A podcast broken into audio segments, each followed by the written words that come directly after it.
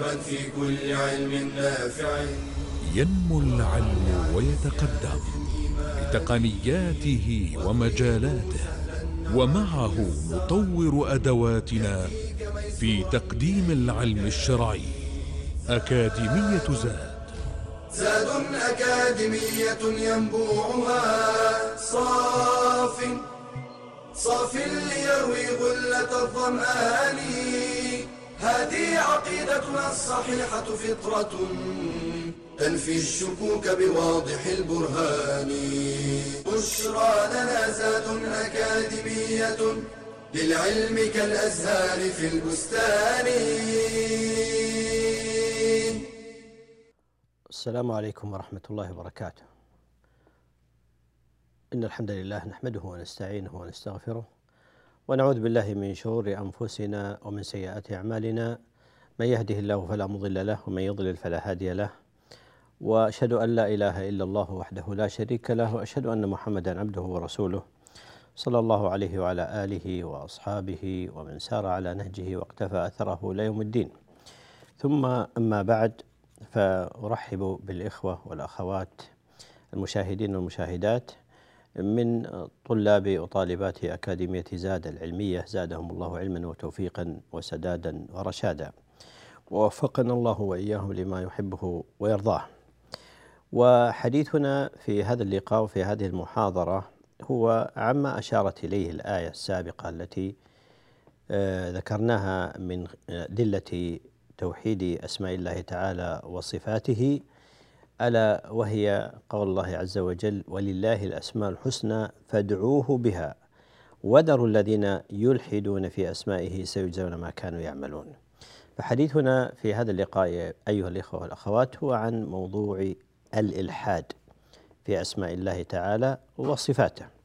ومعروف أن الإلحاد من حيث اللغة هو بمعنى الميل والعدول والجور ومنه سمي اللحد لحدا لأنه مائل عن فوهة القبر وعن يعني حفرة القبر فهو يكون في جانب منه مائل عن أصله وعن بدايته. وقد ذكر الله عز وجل هذا في كتابه عز وجل في قوله لسان الذين يلحدون إليه أعجمي وهذا لسان عربي مبين. آه الذي يهمنا هنا وهو الكلام عن الإلحاد في أسماء الله سبحانه وتعالى آه وصفاته وهو معناه هو الميل بها عما يجب اعتقاده فيها. الإلحاد في الأسماء والصفات هو الميل بها عما يجب اعتقاده فيها.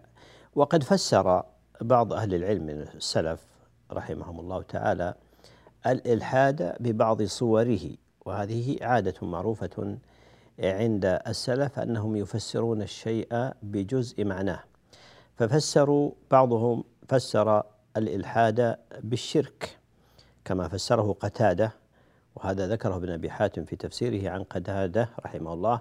قال يلحدون أي يشركون وكذلك ورد عن عطاء رحمه الله تعالى قال الإلحاد هو المضاهاة وهذه صور من صور الإلحاد كما آه، أشرنا وقد ذكر آه، هذه المعاني السيوطي في كتابه الدر المنثور رحمه الله تعالى. فالإلحاد في أسماء الله تعالى وصفاته هو الميل بها عما يجب اعتقاده فيها والميل بها عن الاستقامة عن المنهج الصحيح عن الصراط المستقيم الذي يجب أن يلتزم أن يلتزمه المسلم تجاه أسماء الله تعالى وصفاته، الاستقامة في باب أسماء الله تعالى وصفاته أن تجرى هذه الأسماء والصفات على حقيقتها اللائقة به سبحانه وتعالى من غير تحريف ولا تعطيل ولا تكييف ولا تمثيل كما تقدم معنا الكلام في هذه المسألة وعلى هذه القاعدة التي يسير عليها أهل السنة والجماعة كما تقدم. وبناء على هذا فالإلحاد هو الميل والعدول بها عن الصراط المستقيم والمنهج القويم إلى غيره. فكل ميل وانحراف وعدول عن منهج الاستقامة في الأسماء والصفات فهو داخل في عموم الإلحاد في أسماء الله تعالى وصفاته. وبناء على هذا فإن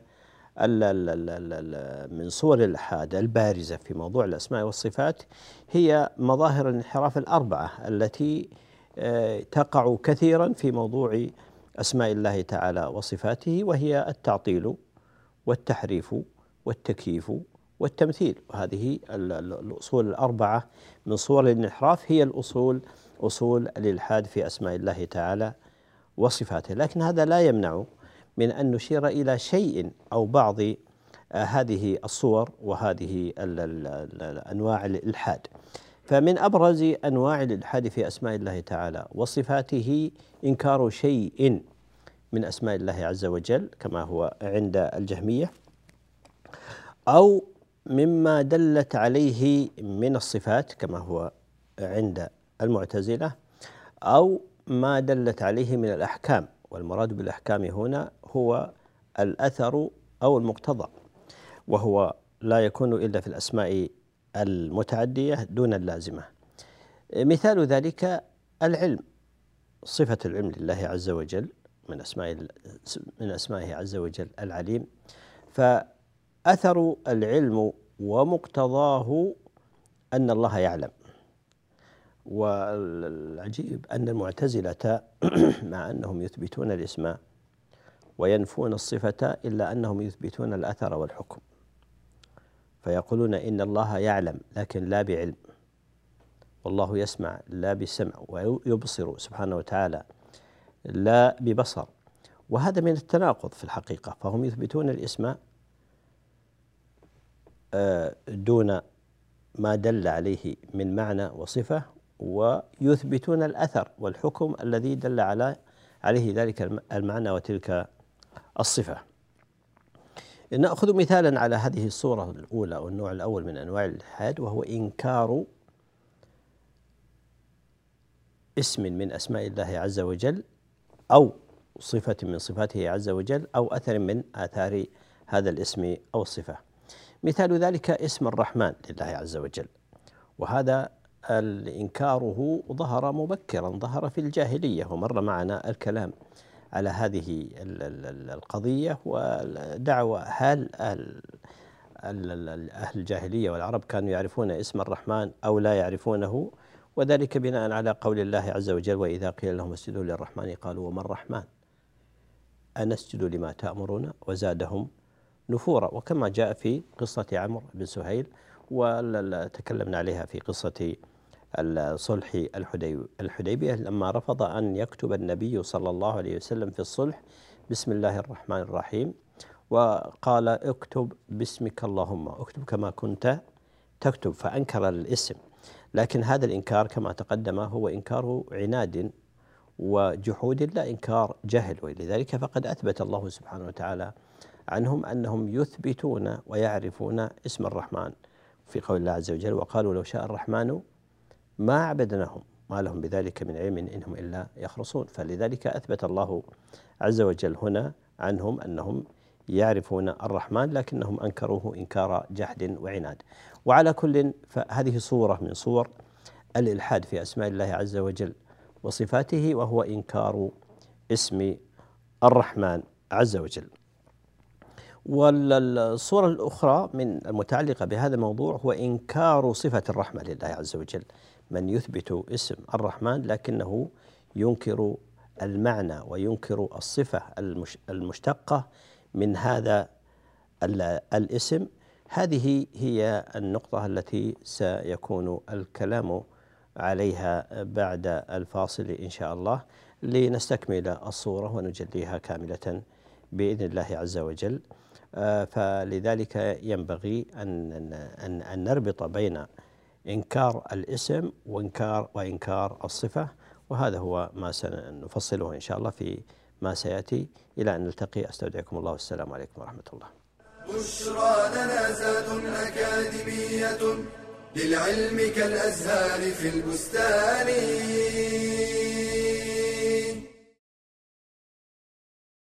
فرض عين على كل مسلم أن يتعلم العبادات الواجبة عليه.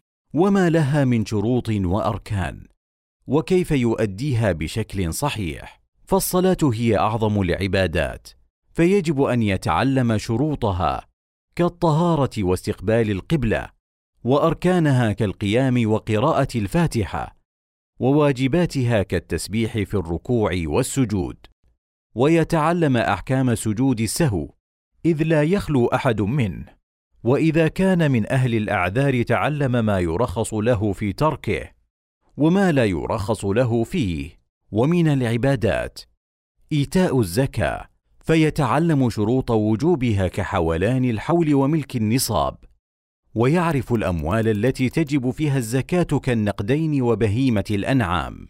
ويتعلم النصاب الذي تجب فيه الزكاة. والمقدار الذي يجب إخراجه كربع العشر في النقدين وعروض التجارة. ويعرف من يستحق الزكاة ومن لا يستحقها ومنها صوم رمضان. فيتعلم أركان الصيام وشروط صحته وما يبطل الصيام كالاستقاءة والاستمناء وما لا يؤثر عليه كالسواك والطيب. ومنها حج البيت فيتعلم أركانه كالطواف والسعي. وواجباته كالمبيت بمزدلفة ورمي الجمار ويتعلم المواقيت الزمانية والمكانية ومحظورات الإحرام. فاجعل عباداتك خالصة لوجه الله صوابا على السنة. الذي خلق الموت والحياة ليبلوكم أيكم أحسن عملا.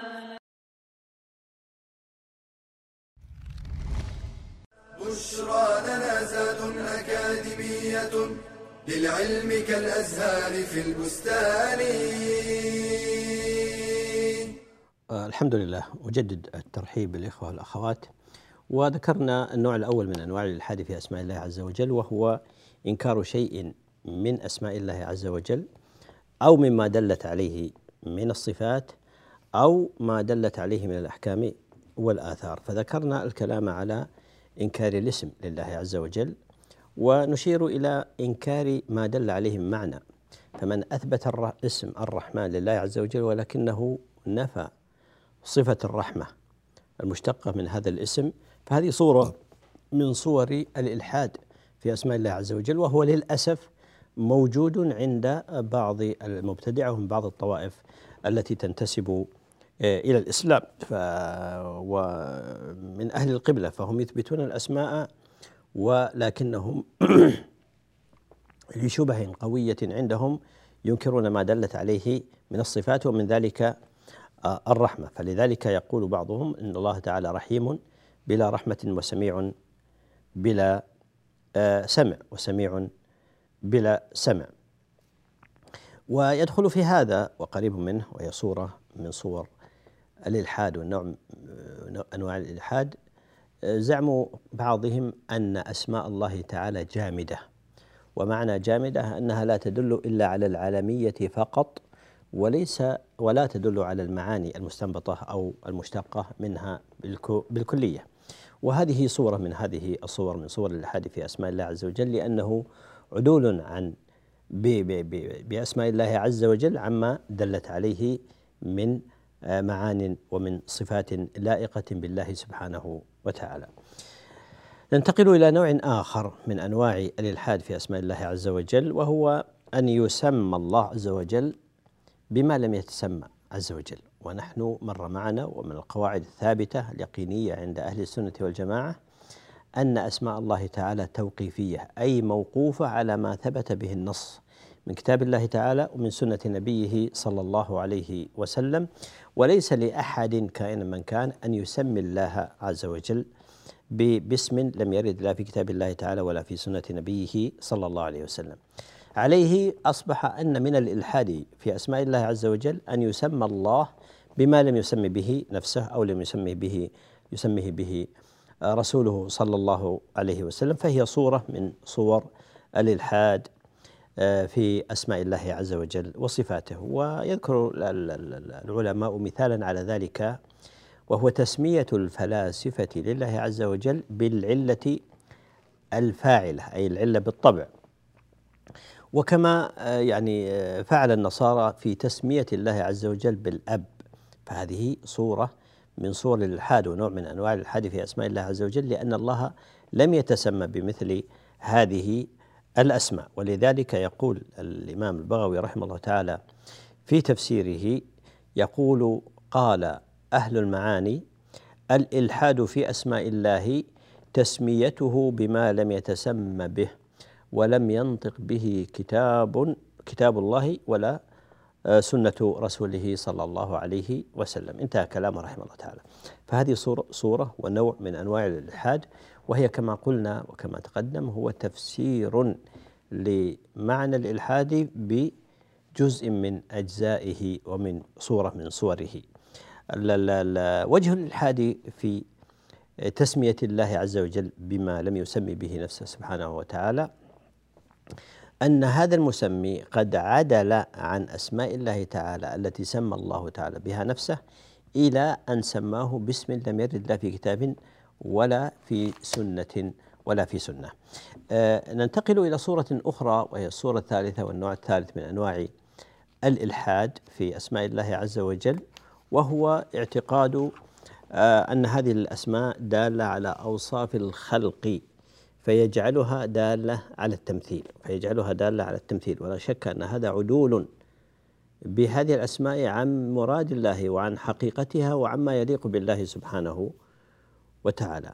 فكون هذه الصورة من صور من أنواع الإلحاد لأن من اعتقد أن أسماء الله عز وجل دالة على تمثيل الله تعالى بخلقه فقد أخرجها عن مدلولها اللائق بالله سبحانه وتعالى ومال بها عن الاستقامة وجعل كلام الله تعالى وكلام رسوله صلى الله عليه وسلم دالا على الكفر لأن تمثيل الله تعالى بخلقه كفر كما قال نعيم بن حماد رحمه الله تعالى الخزاعي.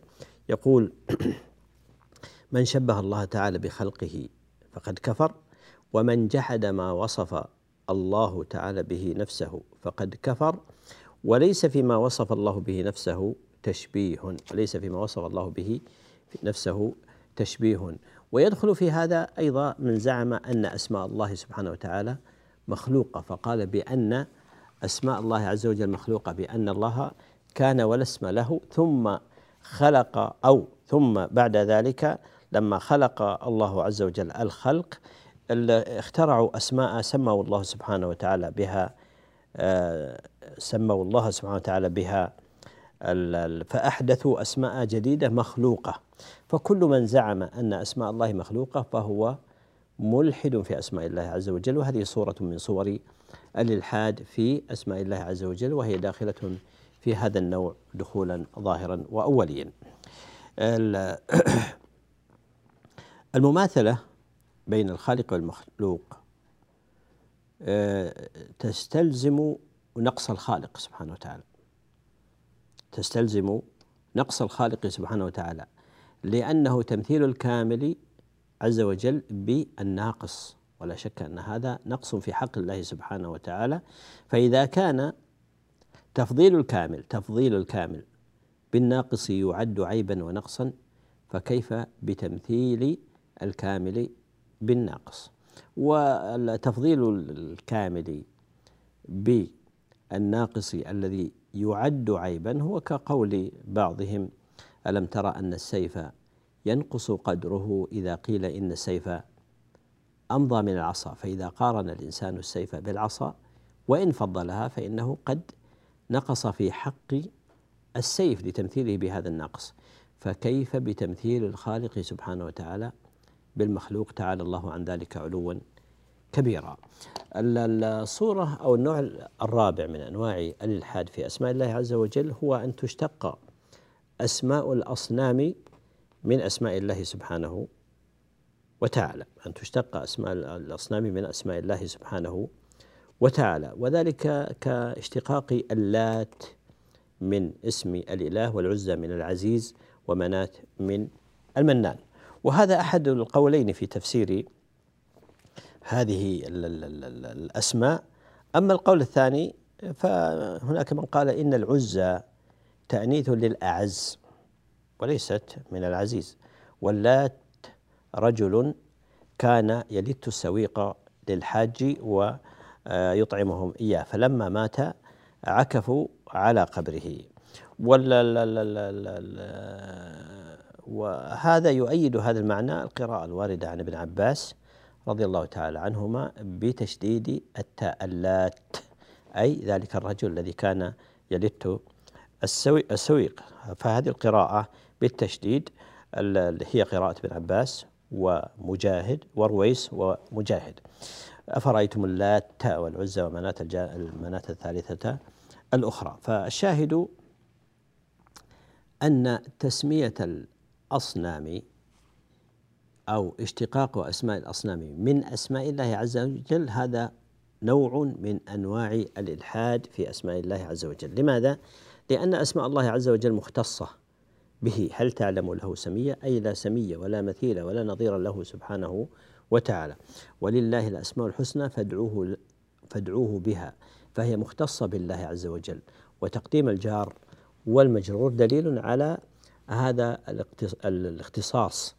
فالأسماء الحسنى إنما هي لله اختص بها دون سواه سبحانه وتعالى. وقال تعالى له ما له الأسماء الحسنى يسبح له ما في السماوات والأرض. تقديم الجار والمجرور في الآيات هذه وفي غيرها عدة آيات كلها جاءت بهذه الصورة. هذا دليل على الاختصاص والاستحقاق استحقاق الله عز وجل بهذه الأسماء. فاصل ثم نعود لاستكمال ما بقي إن شاء الله. إلى أن نلتقي. السلام عليكم ورحمة الله وبركاته. بشرى لنا زاد أكاديمية للعلم كالأزهار في البستان.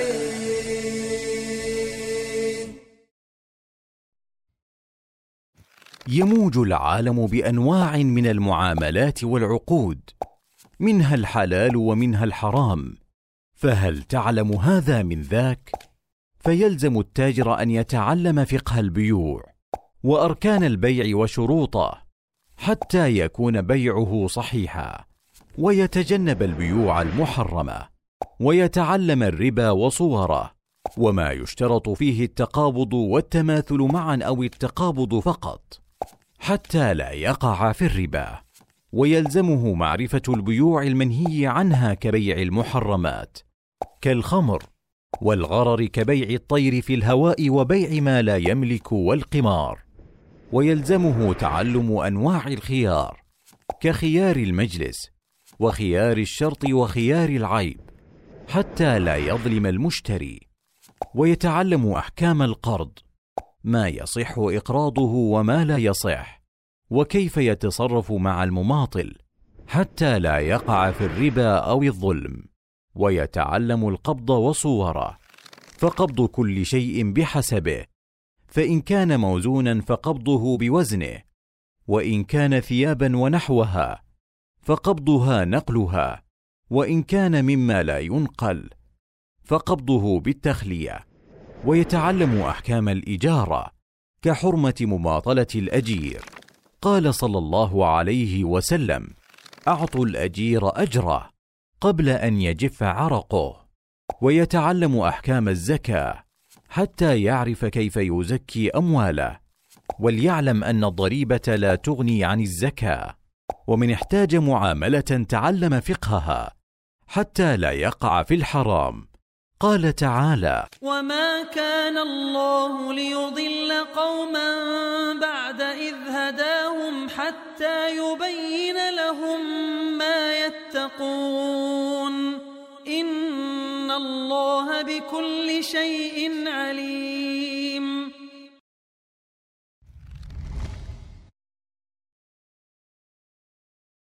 بشرى لنا زاد أكاديمية للعلم كالأزهار في البستان. الحمد لله أجدد الترحيب بالإخوة والأخوات. وكنا تحدثنا عن النوع الرابع من أنواع الإلحاد في أسماء الله عز وجل وصفاته وهو أن تشتق أسماء الأصنام من أسماء الله عز وجل. وقلنا إن أسماء الله عز وجل مختصة به سبحانه وتعالى ولا يشركه فيها أحد سواه سبحانه وتعالى وهذا ما دلت عليه النصوص.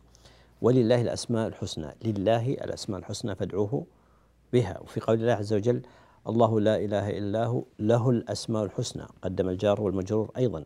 وفي قوله تعالى له الأسماء الحسنى يسبح له ما في السماوات والأرض. فتقديم الجار والمجرور في هذه الآيات الثلاث يفيد الاختصاص. يفيد الاختصاص. فالأسماء الحسنى مختص بها الله عز وجل لا يشاركه فيها غيره فهو المختص المستحق لها سبحانه وتعالى دون سواه. ولذلك سمي توحيد الأسماء والصفات بتوحيد. توحيد لأنه يفيد الاختصاص. لا يشارك الله عز وجل في هذا الاختصاص أحد. فهو نوع من أنواع التوحيد وهذه نقطة مهمة يجب أن يتفطن لها وأن يتنبه لها. ولهذا سمي توحيد الأسماء والصفات يعني التفرد والاختصاص دون الشريك والسمي والمثيل في هذه الأسماء. الحسنى. آه، لما اختص الله عز وجل بالعبادة وبالألوهية سمي ذلك توحيد الإلهية أو العبادة. فكذلك هنا مختص بالأسماء الحسنى فتسمية غيره بها على الوجه الذي يختص به الله عز وجل ميل بها عما يجب آه، فيها وهو نوع من أنواع من أنواع الشرك المخالف والمناقض للتوحيد. آه، هذا يجرنا إلى الحديث عن مسألة مهمة وهي حكم الإلحاد في أسماء الله عز وجل الحسنى وصفاته والآيات في هذا الأمر صريحة. في قول الله عز وجل هنا في هذه الآية التي مرت معنا وذروا الذين يلحدون في أسمائه سيجزون ما كانوا يعملون هذه الآية فيها التهديد الواضح والصريح والوعيد لمن ألحد ومال بأسماء الله عز وجل عن وجهها اللائق بالله سبحانه وتعالى. وعليه فإن الإلحاد في أسماء الله عز وجل وصفاته محرم محرم بجميع صوره وأشكاله.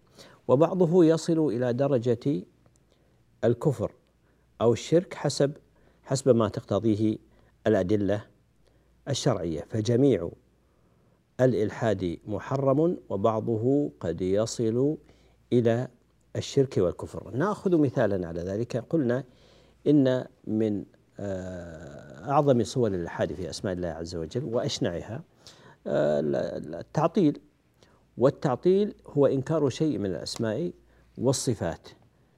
إنكار شيء من أسماء الله تعالى وصفاته وهو نوعان. إنكار تكذيب إنكار تكذيب لما عطلها وأنكرها فهو إما أن يكون مكذبا وهذا كفر بإجماع. وإنكار تأويل وهو ألا يجحدها ولكن يؤولها. وهذا على نوعين أيضا. وهذا إنكار التأويل على نوعين. تأويل له وجه في اللغة أي له مسوغ في اللغة فهذا لا يعد كفرا لأن هذه شبهة قوية ولا يكون له مسوغ في اللغة وهذا بلا شك أنه من الكفر وهو تأويل الباطنية لنصوص الكتاب والسنة. تفصيل هذه المسألة ليس هذا مقاما لكني أوردتها هنا لأبين أن من أعظم صور الإلحاد في أسماء الله عز وجل التعطيل. ومع ذلك فإنه ليس كل تعطيل يعد من الكفر المخرج من الملة. ففي تعطيل مكفر وهو الإنكار والجحود ولهذا كفر السلف الجهمية لتعطيلهم أسماء الله تعالى وصفاته عز وجل. وتعطيل مبني على شبه قوية وتأويلات وهذا لا يعد كفرا وإن كان محرما وضلالا مبينا ولا يجوز. وهذا كما هو حاصل عند طوائف المتكلمين كالمعتزلة والأشعرية وغيرهم فلم يكفرهم العلماء بهذا التعطيل الحاصل منهم لوجود الشبهة في تأويل مثل هذه الصفات. فالشاهد أن الإلحاد في أسماء الله عز وجل ليس آه، كفرا بإطلاق وإنما منه ما هو كفر ومنه ما هو دون ذلك ولكنه بجميع صوره وأنواعه هو من المحرمات الشرعية التي توعد الله عز وجل في الآية التي معنا وبين أيدينا. وذروا الذين يلحدون في أسمائه وهذا وعيد صريح من الله عز وجل للملحدين في أسماء الله تعالى وصفاته عز وجل. أيضا يرد هنا في مقام هذا السؤال أو في مقام الكلام على حكم الإلحاد في أسماء الله عز وجل يرد سؤالا ملحا وهو هل يجوز تسمية المخلوق بشيء من أسماء الله عز وجل؟ وهل يعد ذلك من الإلحاد في أسمائه سبحانه وتعالى أم لا؟ والجواب باختصار في على هذا السؤال المهم والملح الجواب عليه أن المسألة فيها تفصيل ومع التفصيل يتبين الحق والصواب من الخطأ والضلال. فهذا التفصيل نقول إن هناك أسماء خاصة بالله عز وجل لا تقبل الشركة لا تقبل الاشتراك. وهذه لا يجوز تسمية المخلوق بها. وتسمية المخلوق بها صورة من صور الإلحاد في أسماء الله عز وجل. ومثال ذلك لفظ الجلالة الله. لفظ الرحمن الخالق البارئ القيوم. ضابط هذا النوع الذي لا يجوز تسمية المخلوق به هو ما كان مسماه معينا لا يقبل الاشتراك لا يقبل الشركة. فالأسماء التي لا تقبل الاشتراك لا يجوز تسمية المخلوق بها البتة. وتسمية المخلوق بها هو صورة من صور الإلحاد في أسماء الله تعالى آه، وصفاته.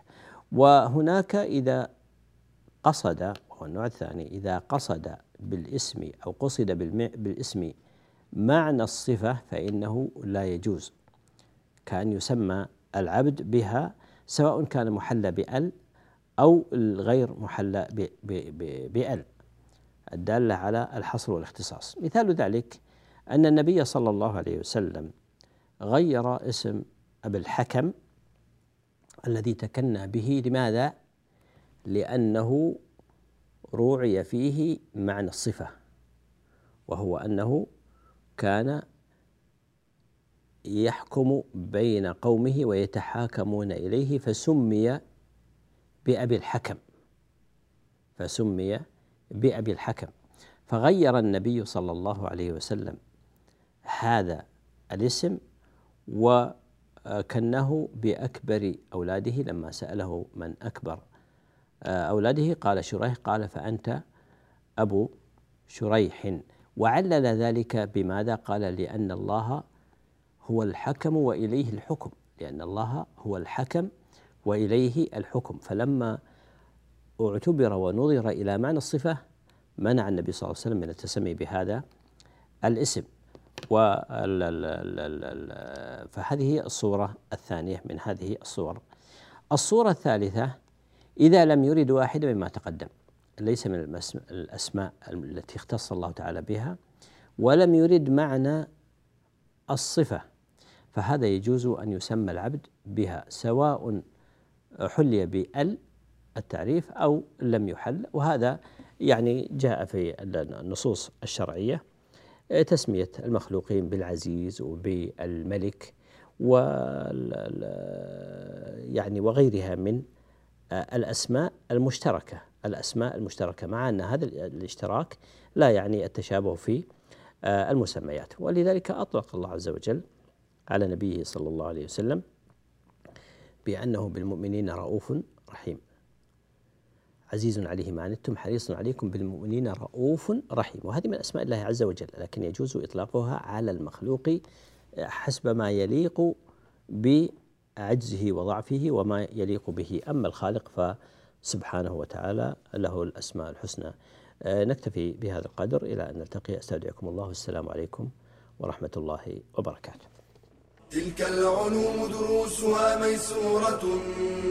في صرح علم الراسخ الأركان.